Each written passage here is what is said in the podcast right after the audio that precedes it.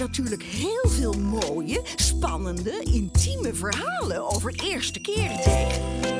Luister je weer mee?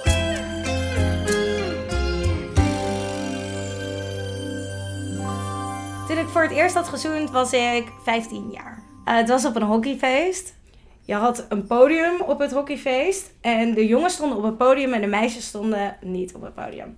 Ik had, ik had al een paar vriendinnetjes die al hadden gezoend. Die hadden het er dan de hele tijd over welke leuke jongen er rondliepen. Wie vind jij leuk en wie vind jij leuk? En ik vond ook wel leuk jongens leuk.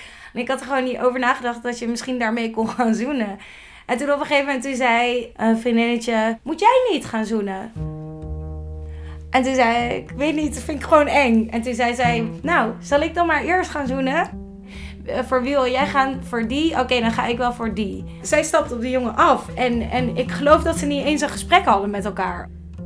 En toen dacht ik, wow, als het zo makkelijk gaat, dan kan ik dat ook wel.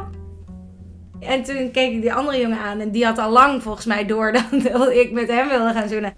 Hij stapt op me af. Hij komt dichterbij.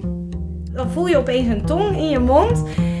Maar hij zette ook nog heel veel kracht met zijn tong en heel snel draaide rondjes. Ik dacht alleen maar, oké, hij weet het beter, dus ik moet zijn tempo bijhouden en ik doe maar precies wat hij ook doet. En ik had het gewoon heel veel romantischer ook voorgesteld. Ja, en toen op een gegeven moment merkte ik dat mijn vriendin naast me klaar was. Dus toen dacht ik, dan stop ik ook maar. Nou, en die omhelsde me helemaal. En ik dacht alleen maar, laat het hem niet merken dat hij mijn eerste keer is. Want dat was ook nog een ding. Want je mocht dan niet laten merken dat, dat jij voor de eerste keer met, met die jongen had gezoend. Dat hele ideale plaatje had ik gewoon heel erg in mijn hoofd. Dat romantische en uh, nou ja, dat je verliefd wordt en dat je dan voor de eerste keer zoent.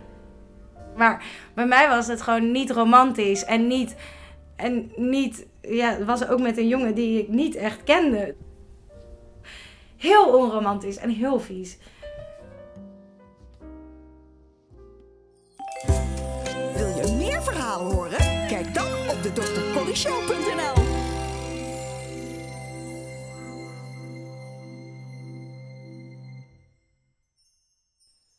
Dit verhaal werd mede mogelijk gemaakt door het Mediafonds.